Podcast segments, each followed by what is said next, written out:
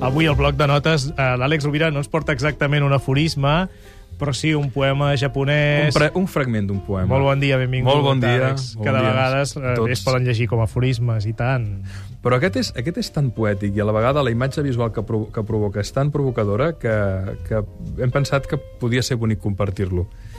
I diu el següent, diu, mentre recollia les pedres que van llançar-me, vaig veure que una d'elles era una joia.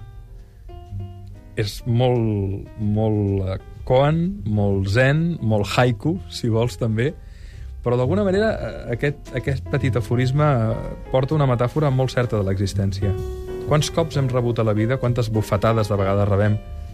I no m'agrada parlar de justícia o injustícia, moltes vegades injustament, i de vegades no hi ha ni justícia per atzar, perquè toca, perquè passaves per allà, que reps la bufetada, i que d'algunes d'aquestes, que moltes potser són, que dius, no, no, sé quin sentit tenen, però que n'hi ha algunes que te les mires amb la distància i dius, mira, d'això em vaig aprendre, o d'això em va obrir una porta, una manera diferent d'entendre la vida, o això em va ajudar a posar-me les piles, o a ressignificar una falsa creença que tenia sobre mi o sobre l'altre.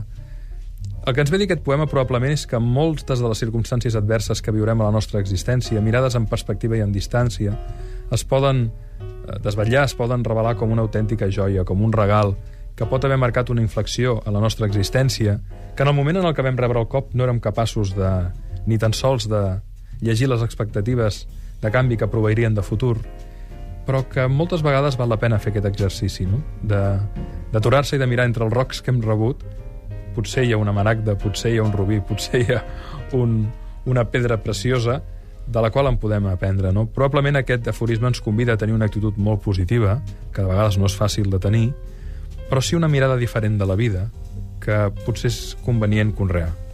Cada setmana l'Àlex Rovira ve amb el seu bloc de notes a l'ofici de viure, cada diumenge. Doncs bé, Àlex, que tinguis molt bona setmana, plena de perles, molt bona si setmana ser. a tots per, i, i plena de joies per tots. Fins diumenge. Si vol. Una abraçada. Gràcies, Gaspar.